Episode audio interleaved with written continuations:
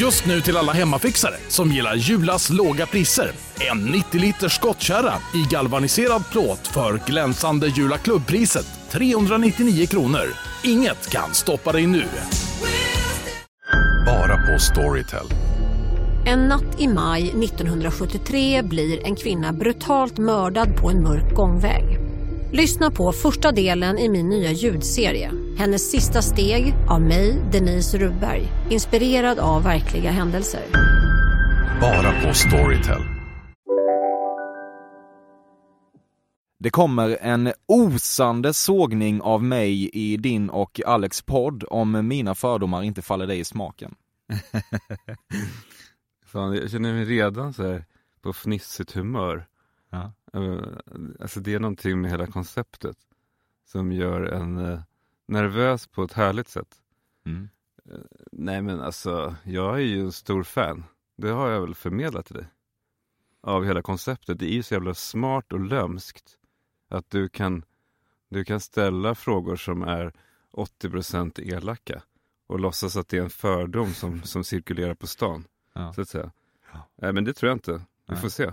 För jag vill ändå prata lite om det, för du har ju uttryckt i den podden att du var extremt motvillig eh, till att vara med här. Vi kanske ska lyssna lite på det rent av. Mm.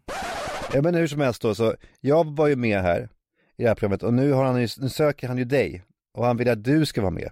Det är fan det vidrigaste jag skulle kunna tänka mig tror jag. Att vara med i det här. Men, men, men jag fattar inte varför. Därför att det är den, den nivån av, jag menar du och jag blir ju ofta liksom anklagade för att vi, vi bara gräver i oss själva, vi bara liksom pratar om oss själva. Ja, Men det, det gör vi väl fan inte. Alltså vi, om vi gör det så försöker vi förstå eh, någonting som vi tror andra kan vara intresserade av. Mm. Det här handlar ju bara om detaljer på en nivå som, där jag skulle känna mig äcklad att prata om mig själv. Men du kände dig fräsch efteråt. Nej, inte, inte, alltså jag ska inte säga att det var så kul att vara med i den.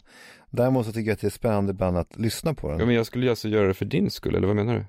Eh, Jag skulle vara med för att du vill höra det. nej men det är för att du vill väl vara i ett sammanhang där det blir roligt innehåll. Alltså, Jag tycker man hör att det finns en allmänt liksom munter stämning i studion hos de här gästerna över att någon har suttit och funderat på dem. mm.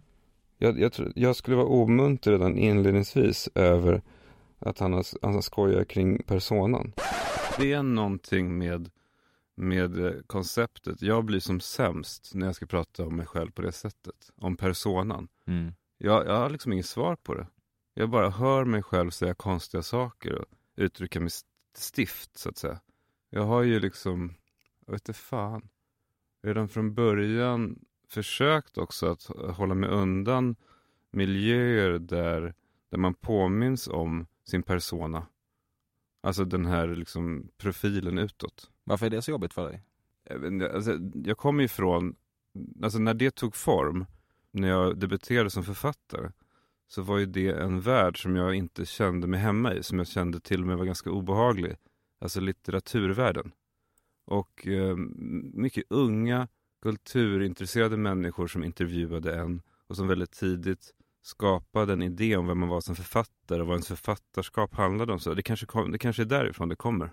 Mm. Nu tror jag att tack vare podcasten så är ju personen mycket mer nyanserad och komplex än vad den var på den tiden. Så att det där är antagligen bara gamla grejer som spökar. Mm. Det är väldigt kul att du är här i alla fall. Tack Emil.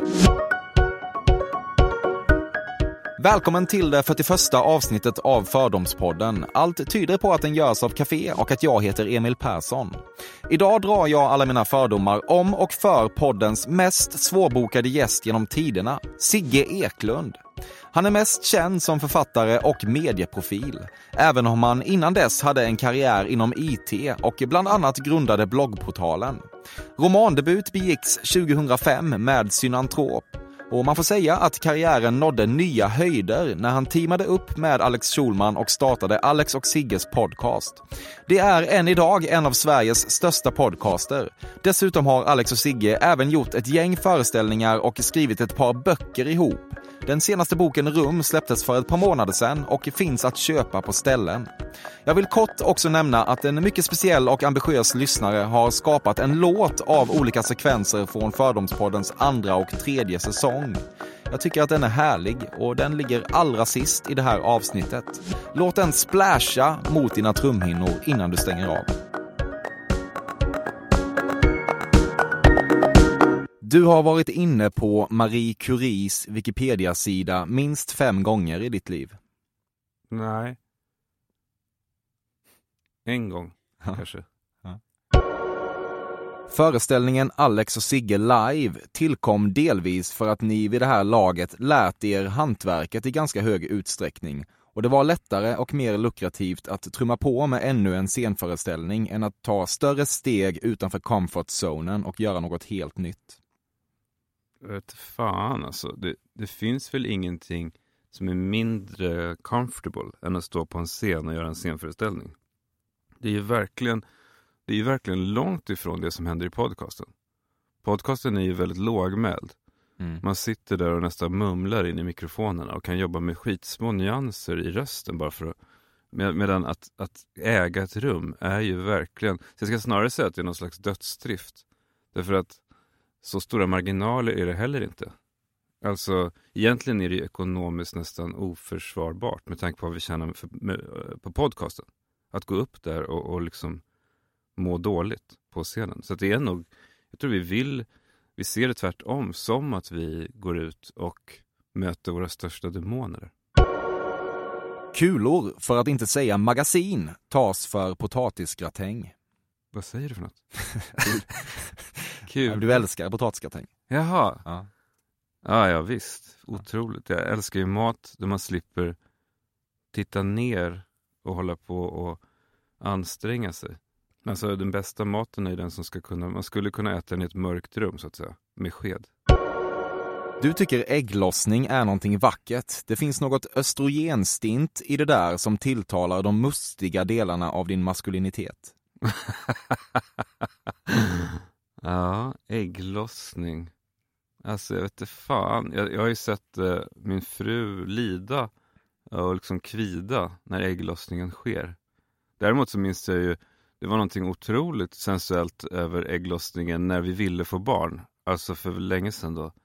När vi gick och köpte, jag gick och köpte då på apoteket sådana här LH som mäter hormonet i kroppen när kvinnan har ägglossning. Och att man, eh, det var väldigt spännande med ägglossning då. Men det var länge sedan nu. Nu är det mest förknippat med, eh, med fysisk smärta i magområdet. Du är på sms-basis med Chris O'Neill. Nej, tyvärr. Det hade varit, det hade varit kittlande. Har ni träffats? Nej, aldrig. Du skulle inte byta ditt hår mot något annat hår i världen. Mm, lustigt att du säger det. För jag har tänkt på att, att man att den här, eh, det självhatet, att det vandrar hela tiden. Man snackar ju ofta om att summan av lasterna är konstant. Du vet, jag slutade snusa nu. Då har jag börjat dricka massa Red Bull. Alltså att länge så var ju håret det som jag hatade med mitt utseende. För att det inte gick att få fason på det helt enkelt. Eh, alltså jag tror alla har någon sån grej. Och sen så, jag vet inte fan. Det, jo, det hände när jag kom på att jag skulle ha längre hår när jag var 24. Jag hade kort hår och då hatade jag att jag inte kunde få fason på det. Och det liksom använde jag hårspray eller vax så blev det bara kladdigt och äckligt. Men då flyttades då fokuset, eller självkritiken vad gäller utseendet, till näsan. Och så där har det pågått liksom. Näsan alltså? Ja, alltså den har, ju en, den har ju en... eh, Alltså jag skiter i det nu. Ja. För sen flyttades det till viktpendlandet. Alltså det, vet, att man alltid har någonting som Mm. man hatar med sitt eget utseende. Det finns ju en, en, vad heter det, inte krok, men det finns en märklig vinkel på näsan. Som jag länge hatade. Fördomspodden sponsras återigen av Air Up. Och Air Up är en innovativ flaska som smaksätter helt vanligt kranvatten med doft. Nyskapande som fan om man får säga det själv. Och AirUp har utvecklats för att man ska slippa välja mellan smak och hälsa. För med det här systemet så gör man sig själv en tjänst varje gång man vill dricka något gott. Och att smaksätta vatten med doft kan ju låta lite som, jag vet inte, magi. Svartkonst nästan. Men AirUps hemligheter är högst vetenskapliga för det kallas retronasal doft. Eller med ett enklare ord att uppleva smak med näsan. Ja men exakt, och eh, alltså AirUp är ju en gammal kär vän till mig.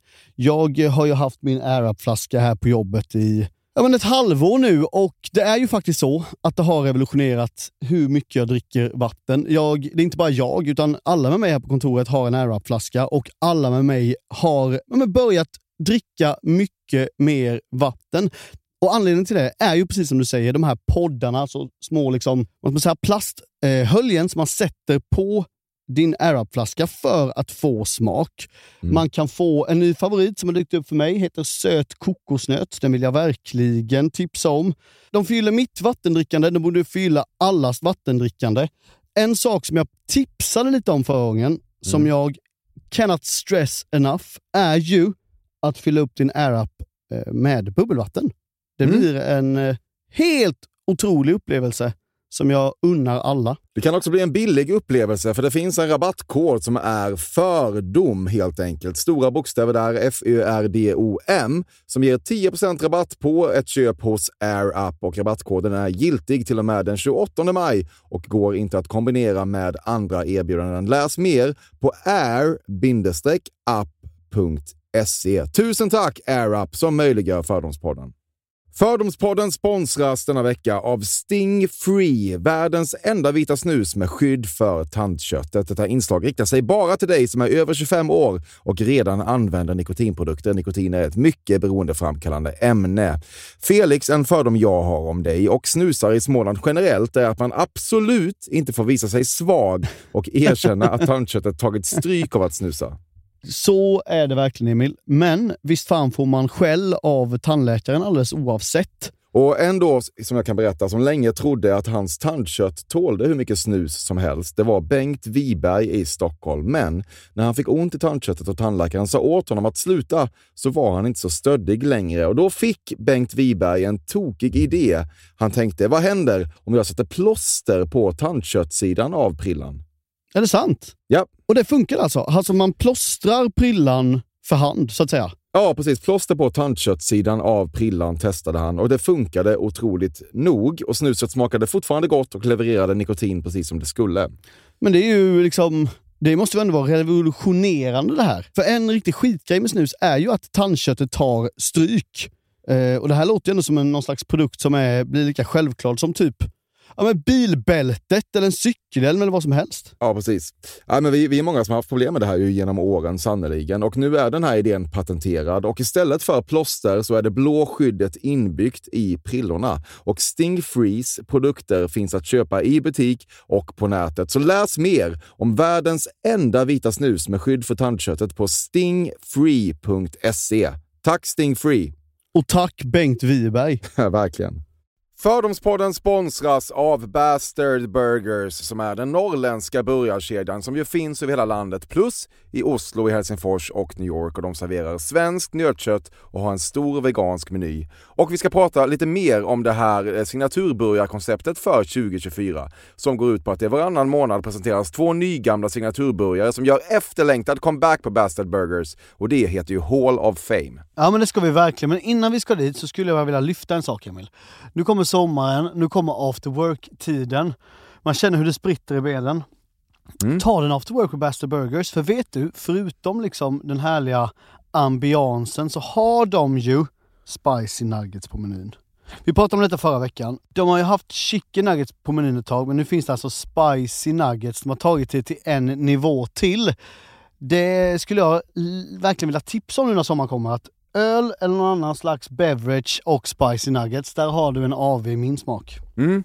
Och också det, just det här att Spicy Nuggets nu kommer finnas permanent på Just menyn. det, Jag tycker det finns verkligen. en otrygghet i, i, i vissa eh, matkedjor när, när vissa grejer bara återkommer då och då och man vet aldrig om ens favoriter finns där. Men Spicy Nuggets som är godare än vanliga nuggets som man är lagd åt ett spicy Mm, hållet, vilket jag är, kommer nu alltid finnas där. Det finns en trygghet i det. Jag vill också slå ett slag för att det nu i maj släpps även en ny signaturburgare och det är alltså ingen mindre än The Notorious Chili Cheese. En burgare med chili cheese på. Man minns när chili cheesen kom in i ens liv och förändrade livet till det bättre. Det är ostigt, det är starkt, det är otroligt. Det innehåller alltså massa ost och lite jalapeno. Och allt detta kan du såklart få om du laddar ner appen för Bastard Burgers och beställer eller för guds skull går till en fysisk restaurang.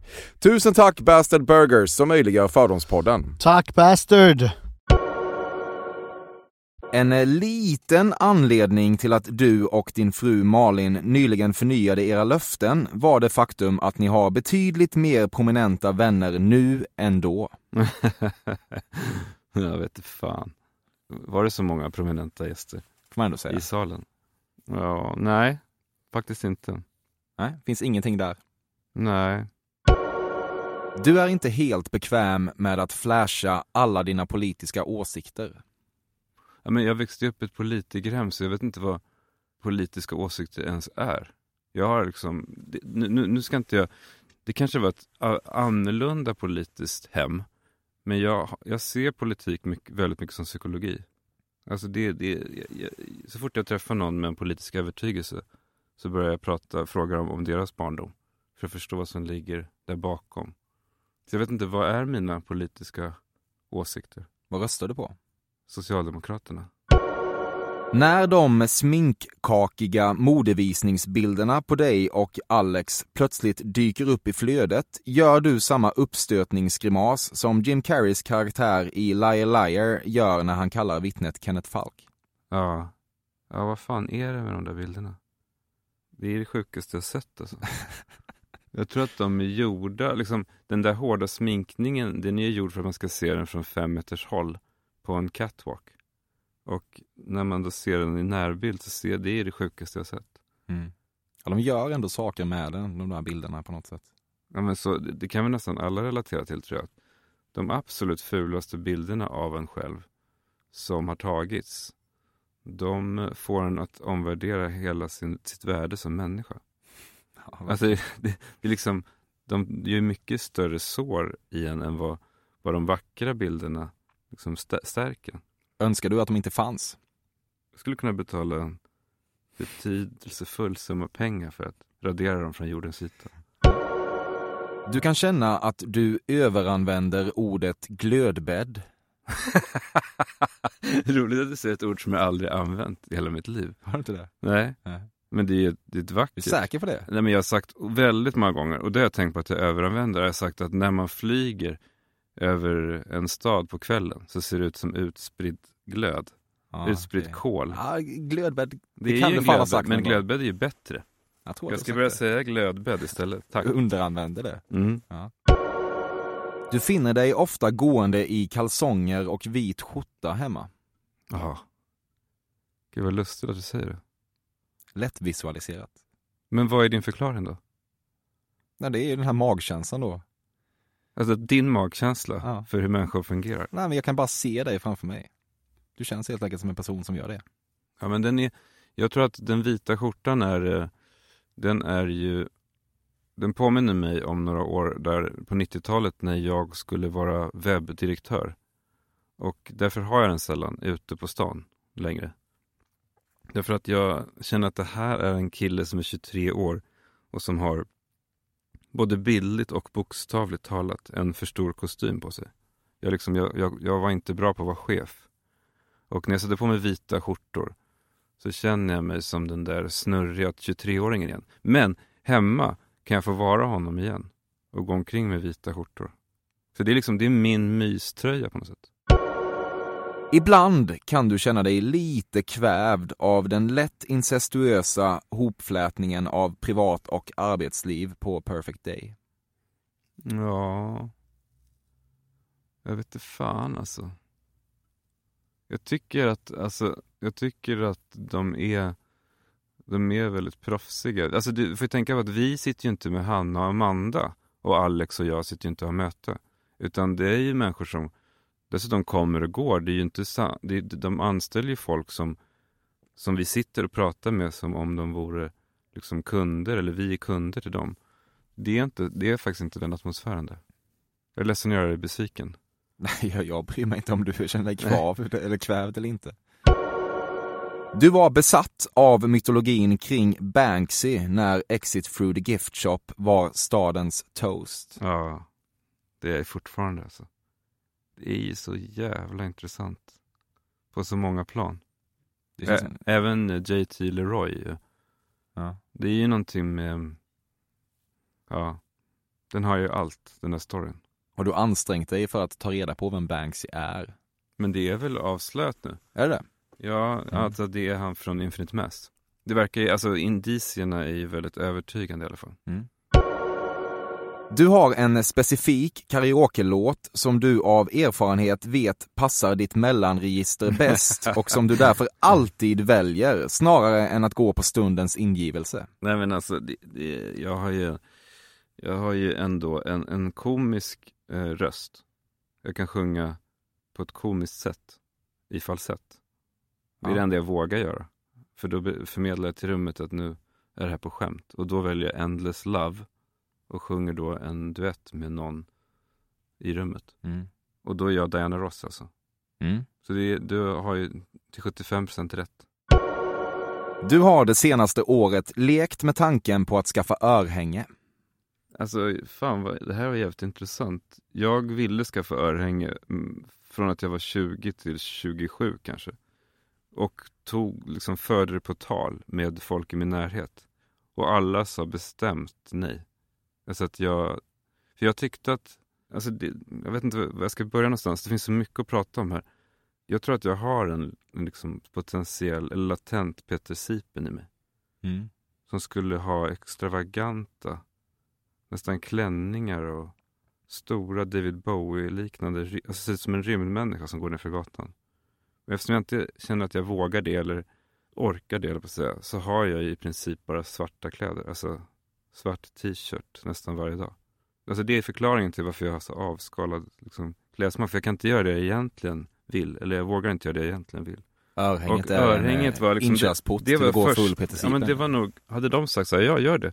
Så hade jag eventuellt suttit här eh, och, och sett ut som Peter Sipen ja. Ja. Alltså då hade, men de stängde dörren för mig. De sa att det där passar inte din person. Det känns som att en eh, rejäl kris skulle kunna bli en slags katalysator ka- kanske. Vi får hoppas det. Ja.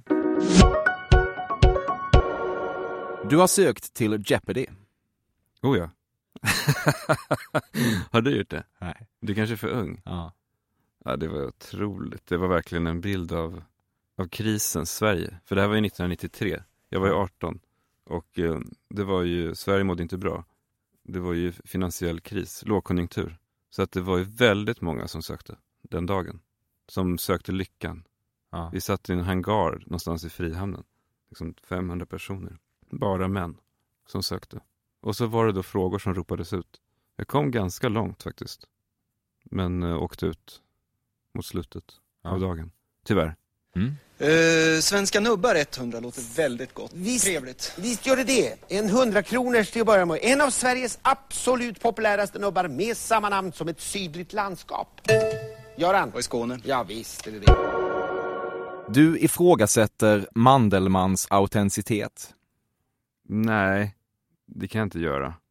Jag tycker att, men, men jag har sett väldigt lite av det. Men, men jag tycker mig ha en, en så pass bra radar att jag, eh, jag, jag gillar det jag ser faktiskt. Varje gång du nämner Miles Davis bland dina favoritartister ber du en stilla bön om att slippa motfrågor. ja men verkligen. För jag har ju egentligen bara, det är egentligen bara tre skivor som jag, som jag lyssnar på om och om igen. Å andra sidan, eftersom jag lyssnar på dem, någon av dem nästan varje dag. Så, um, vad fan. Det måste ju betyda någonting. Vad heter skivorna? Eh, Someday My Prince Will Come, Sketches of Spain och eh, Kind of Blue. Blue and Green. Du och din bror Fredrik tävlar outtalat i vem som kan köpa finast presenter till era föräldrar. Så när han osäkrar sin enorma budget måste du hela tiden istället vara kreativ och trumfa honom med känslomässigt värde. En kapplöpning som tar otroligt mycket energi från dig. Gud intressant. Alltså det är ju, det är ju rätt på något slags filosofiskt plan kan jag tycka. Eller, eller bildligt tal. tal.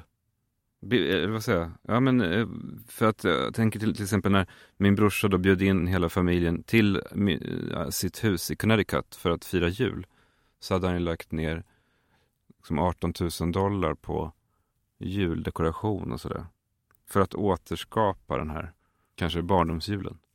Medan jag, jag anstränger mig på andra sätt också för att, som jag bjuder in min pappa till våran bastu för att vi ska sitta där som när jag var barn.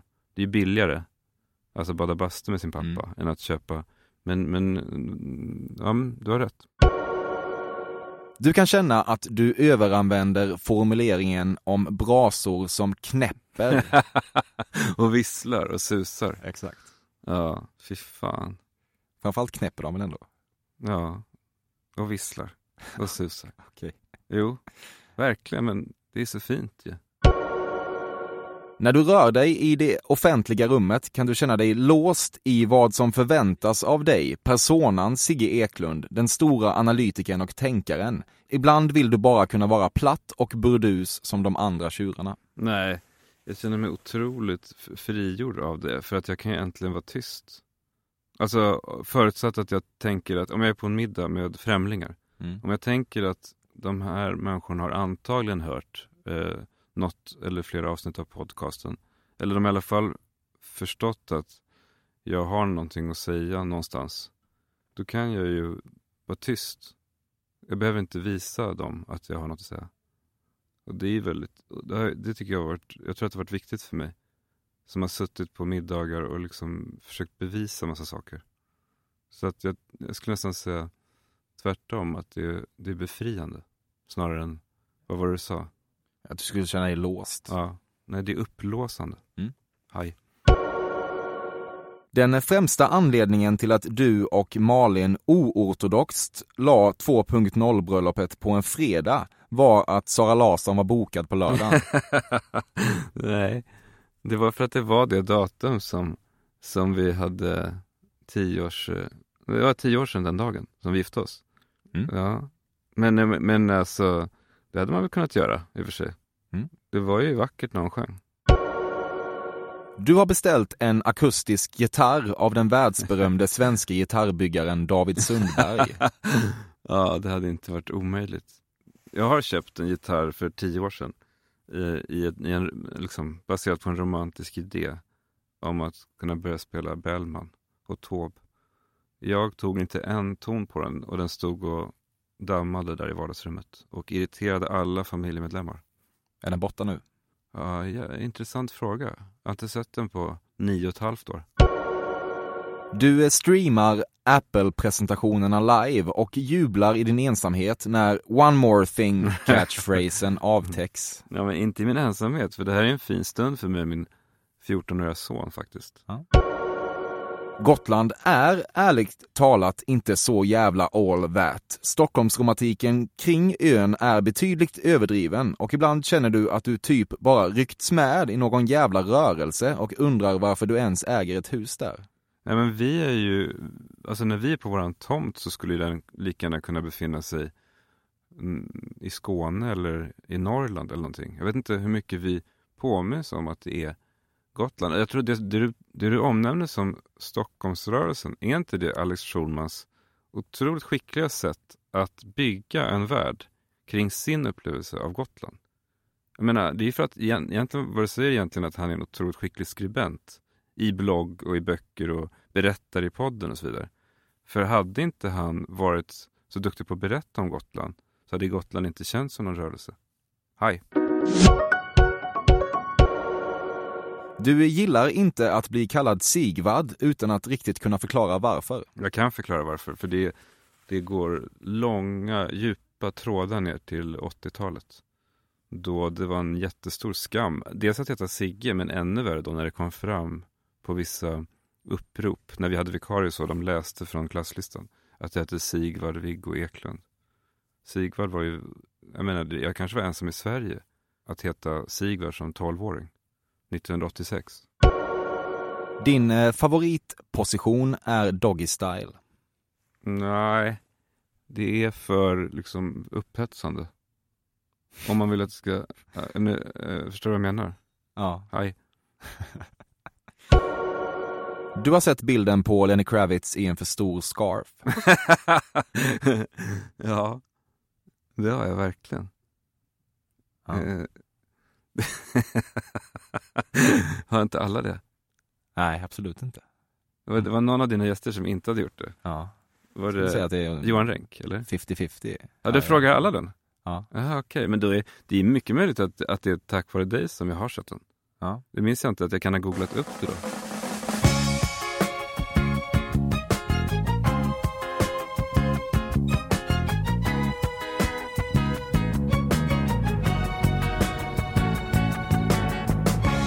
Den här slentrianmässiga otroheten i medievärlden är så jävla usel och ibland önskar du att det gick att ta den striden med dina sneknullande bekanta. Mhm. Ja, alltså, jag vet inte fan. Jag, alltså jag träffar ju så få människor. Det är inte så att jag umgås på någon arbetsplats eller går mellan grupper av människor där jag får ta del av information om sneknullande. Du hör väl ändå saker? Ja, jag vet inte, inte, just om, inte så mycket om sneknullande, nej. Du besökte Burning Man när det fortfarande ansågs pikt. Nej, och det är, det är jag ledsen för. Den person du helst skulle bli nära vän med just nu är Max Martin, eller Martin som du proaktivt redan börjat kalla honom. mm, jag, vet, jag vet inte. Alltså, det känns inte som att han har något behov av att ha vänner. Alltså, det är nog inte en person som älskar umgänge. Och, och jag vet inte hur mycket utbyte man kan få av en sån person. Jag har träffat honom några gånger då när vi bodde i LA.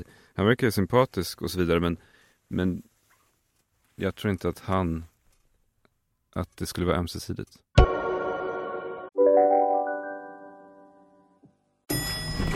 Nej. Dåliga vibrationer är att gå utan byxor till jobbet. Bra vibrationer är när du inser att mobilen är i bröstfickan. Alla abonnemang för 20 kronor i månaden i fyra månader. Vimla! Mobiloperatören med bra vibrationer. Ni har väl inte missat att alla takeaway förpackningar ni slänger på rätt ställe ger fina deals i McDonalds app. Även om skräpet kommer från andra snabbmatsrestauranger. Exempelvis... Åh, sorry. Kom, kom åt något här. Exempelvis... Förlåt, det är något skit här. Andra snabbmatsrestauranger som... Vi, vi provar en talning till. La, la, la, la, la. La, la, la, la. Om en yogamatta är på väg till dig, som gör att du för första gången hittar ditt inre lugn och gör dig befordrad på jobbet men du tackar nej för du drivs inte längre av prestation. Då finns det flera smarta sätt att beställa hem din yogamatta på. Som till våra paketboxar till exempel. Hälsningar Postnord. Du är medveten om att ditt långsamma och släpiga tal gör att allt du säger låter djupt och genomtänkt och du har därför genom åren förstärkt detta enormt. Nej, men däremot så har jag, eller jo kanske det, därför att det kan användas i humorhänseende, eller i humorsyfte då. Att, och där kan vi ju använda varandra, jag och Alex. Alltså att man berättar någonting som låter genomtänkt och, och djupt. Och sen plötsligt blir skruvat eller obehagligt eller o, det blir oväntat då när, det, när någon på det sättet plötsligt för in samtalet på någonting sjukt. Mm, det en otippad paketering. Så det, det kan jag väl säga var eh, positivt med podcasten, att jag slapp, för jag har, har ofta jag har haft mycket skam för min röst tidigare i livet. Alltså att folk har sagt du låter som en levande död eller du låter monoton och du pratar utan att röra läpparna och så vidare. Sånt, som man är känslig för när man är 21. Och därför har det varit, det har varit kul att inse att man kan använda det i podcasten. Du ägde en schackdator på 80-talet. Ännu bättre, jag köpte en schackdator från 80-talet för ett halvår sedan för 3800 på Ebay. Gjorde du det? Ja, för de skapas ju inte längre Nej. eftersom det finns i iPaden. Nej. Av trä dessutom. Ah, okej. det, det är någonting med Premium. dator i trä från 1987 som är oslagbart. Ja. Du får svar på ungefär var femte sms du skickar till Håkan Hellström. Nej. Jag skulle säga att jag får svar på fyra av fem. Mm. Hur mycket hörs ni? Jag skulle inte fråga hur många, hur många av hans sms svarar jag på? Det är ju 100 procent. Ja. Behöver inte ens frågas. Nej, men vi har ju en sms-tråd om, om eh, Bob Dylan. Så det är inte så att vi delar varandras djupaste själsplågor med varandra. Bara ni två eller är? Nej, jag, Fredrik eh, Wikingsson och han. Ja. Under en stor del av ditt liv ville du bli mer känd, men nu när du uppnått större ryktbarhet är du fan inte säker på att du är lyckligare för det. Jo, det är man väl. Jag tror att alla människor behöver en viss typ av bekräftelse därför att man vågar ju, man vågar ju, tror jag, göra, om man bara kollar på Monty Python, liksom, första säsongen är ju betydligt sämre. Och sen får de erkännande och då vågar de ta det där nästa steget i säsong två och säsong tre. Alltså jag tycker man, det finns väl ingen, eller det finns väldigt få som gör sin liksom, storverket i anonymitet. finns ju ändå ganska många exempel på det motsatta inom musikvärlden. Jo, jag vet, men det är inte så att det är 99% är inte så. Utan det mästverket är album två eller tre eller fyra. Men, men det är klart att det finns en romantisk glödbädd kring de här ja. geniala debuterna. Ja. Som gör att man liksom misstolkar antalet. Du snarkar. Mm. mm. Men det är ju... Ja.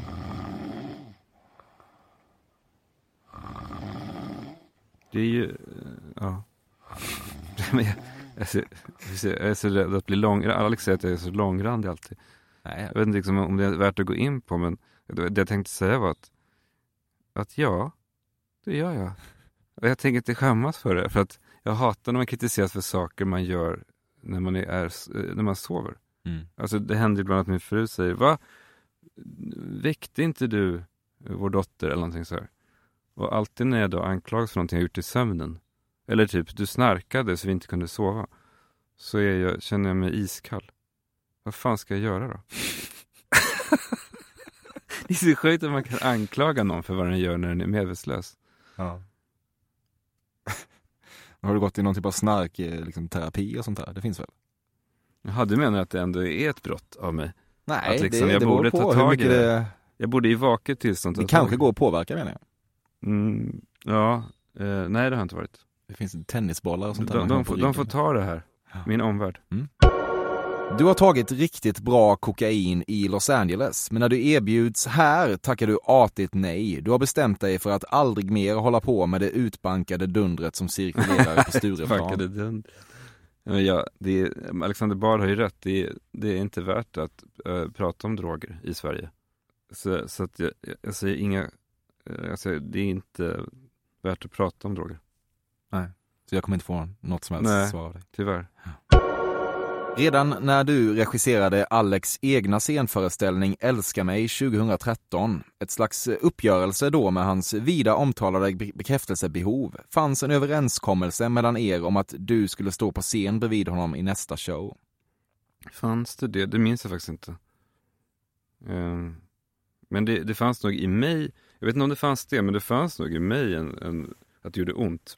Mm. För då kom jag ju från uh, att ha jobbat med Filip och Fredrik och jag hade, det hade börjat liksom växa i mig en eh, liksom frustration över att stå bakom, stå bakom andra som var på scenen. Men jag vet inte om vi hade pratat om det, han och jag. Det finns en ytlighet i vissa av företaget Perfect Days verksamheter som du har svårt att identifiera dig med. Eh, det är möjligt, men jag har ju inte längre sociala medier. Så det är skönt då att uh, slippa ha åsikter och sånt. Det kan man väl ha oavsett? Ja, men för du menar ju, jag antar att du menar att det finns uttryck på Instagram? Ja, vissa av produkterna också. Jaha. Nej, men det, jag har inte insatt i det. Nej. Alltså jag, jag kommer ju, jag lever ett ganska avskalat liv. Jag går ju dit till den där studion, spelar in och går hem. Du vet ju ändå om att det finns skönhetssalong och eh, kosttillskott och så vidare. Ja, men fan, det är väl inte ytligt. Utseende är väl bland det djupaste som finns. Jag trodde du menade andra grejer. Alltså, men jag, jag har inte... Alltså jag... Jag kommer ju från 90-talet. Det där, det där, hela den där debatten om högt och lågt och fint och fult. Den, eh, den fick jag ur systemet liksom. Tack vare Andres Lock och Killinggänget sånt eh, redan i mitten av 90-talet. Så att jag, det, det är ingen dialog jag har med mig själv överhuvudtaget. Kring Mm. något. När du var liten kunde du varje jul bli sittande framför den existentiella tecknade filmen The Snowman, något du med begränsad framgång försökt överföra till dina egna barn. Fan vad kul. Ja, ja, ja och nej. Jag älskade boken. Jag tyckte att filmen saknade bokens kraft. Jag tyckte att eh, filmen var ett havsverk. Men jag älskar boken. Mm. Alltså den, den var otroligt obehaglig och lockande för mig. Du Mm. vet att den slutar med att Snömannen smälter. Mm. Ja, jag har sett filmen. Ja, du har sett den. Du har sett filmen? Mm. Mm. Inte boken. Boken var ju då tecknad med färg, blyertspennor. Och jag ritade väldigt mycket när jag var barn. Och försökte rita som teckningarna i den boken. Så att eh, jag har liksom gått igenom varenda ruta i den där boken. Och eh, liksom levt inne i varenda bildruta. Så att eh, det, därför så har jag nästan ett hat mot filmen. Mm. Som jag tyckte var en våldtäkt på boken. Hej. Stark relation till The Snowman ändå. 80% rätt. Ja. Du bad uttryckligen gästerna om att inte använda hashtag på ett 2.0 bröllop eftersom det gått upp för dig att det nu är inne med hashtagfria bröllop.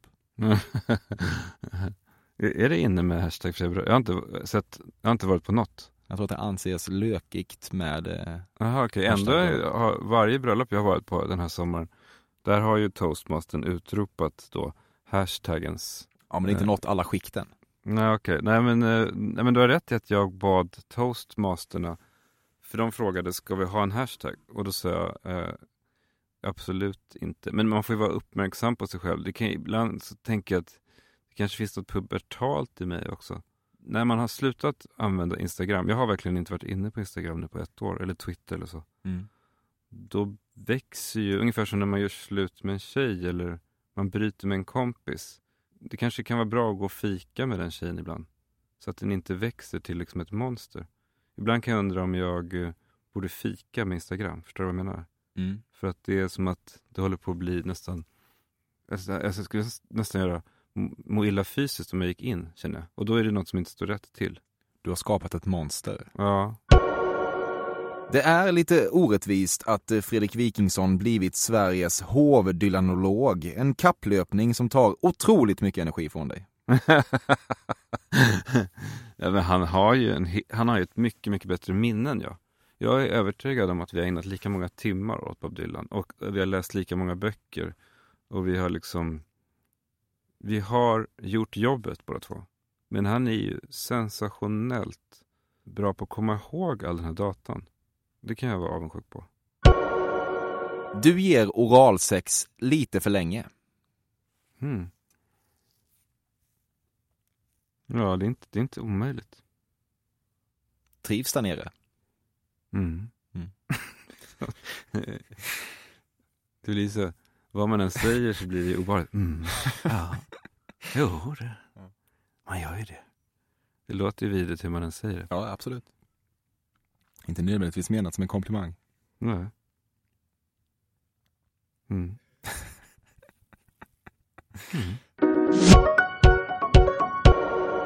Ja, det var det hela Sigge. Hur eh, kändes det? Jo men det var, det, det kändes, det kändes ibland som att det fanns eh, stängda dörrar. Alltså att du lokaliserade dörrar som jag trodde var öppna men som var stängda. Hur menar du då? Ja, alltså vad fan var det nu då? Det var några gånger som, som eh, man går inte omkring på gatan och tänker att man själv är ett mysterium.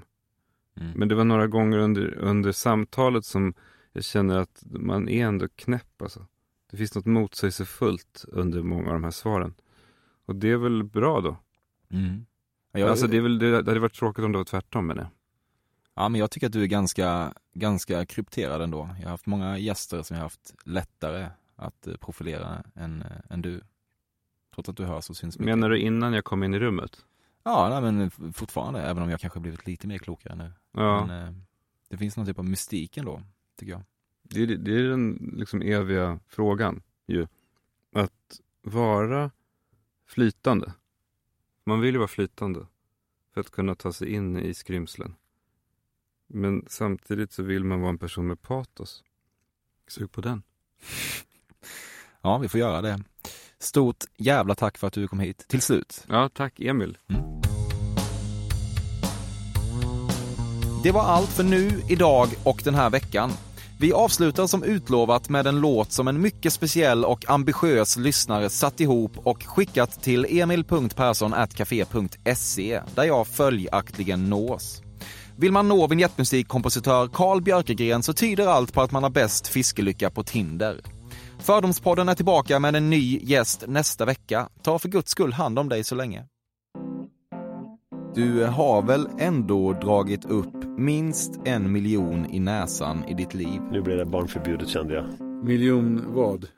En miljon euro. Men det var en del i alla fall. Det röker bara över ja, ett par, ett par veckor så det var lite jobbigt. Färdigknarkad.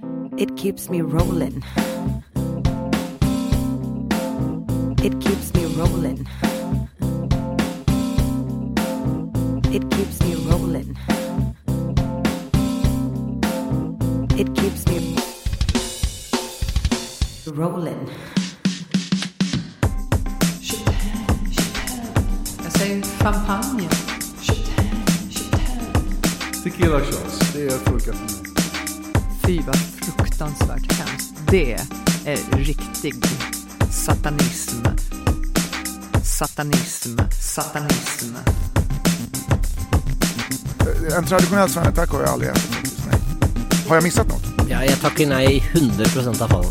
Ja, ja, jo, jo. Ja, men det er jo, det er jo verste mar- martrømmen. Nej, nej, där pass, pass, pass, pass, pass, pass. Tequila shots, det funkar för mig. Gubbjävel. Sly or boss? Hej boss. Gubbjävel. Nu blir det barnförbjudet kände jag. No more bitches. Gubbjävel. Satanism. Jag vill fly. Satanism. Jag vill fly. Satanism. Jag vill fly. Satanism. Anxiety. Jag vill fly. Jag vill fly. Pyjamasbukse. Eh, bukse. Jeg forstørte så mye for laget at jeg fikk teoretisk gymnastikk. Gymnastikk. Teoretisk gymnastikk. Teoretisk pyjamasbukse. Teoretisk pyjamasbukse. Analsex är djävulens verk. Ja, ja, jo, jo. Absolut. Jag tycker det är lite porrigare faktiskt. Satanism. Ja, men det er jo, det er jo verste. It keeps me rolling. Analsex. It keeps me rolling. Vad är det för jävla dumheter? Analsex. It keeps me rolling. Tequila shots, tequila shots, tequila shots. It keeps me rolling. Satanism. Tequila shots. It keeps me rolling. Nu blir det barnförbjudet kände jag. Analsex. It keeps me rolling. I love it. Jag går all in bananas. Ja, hell yes! Anxiety. It keeps me rolling. Analsex är djävulens verk. It keeps me rolling. Suicidabelt. Jag vet inte vad som händer med hans själ. Det här är ju upp till Gud.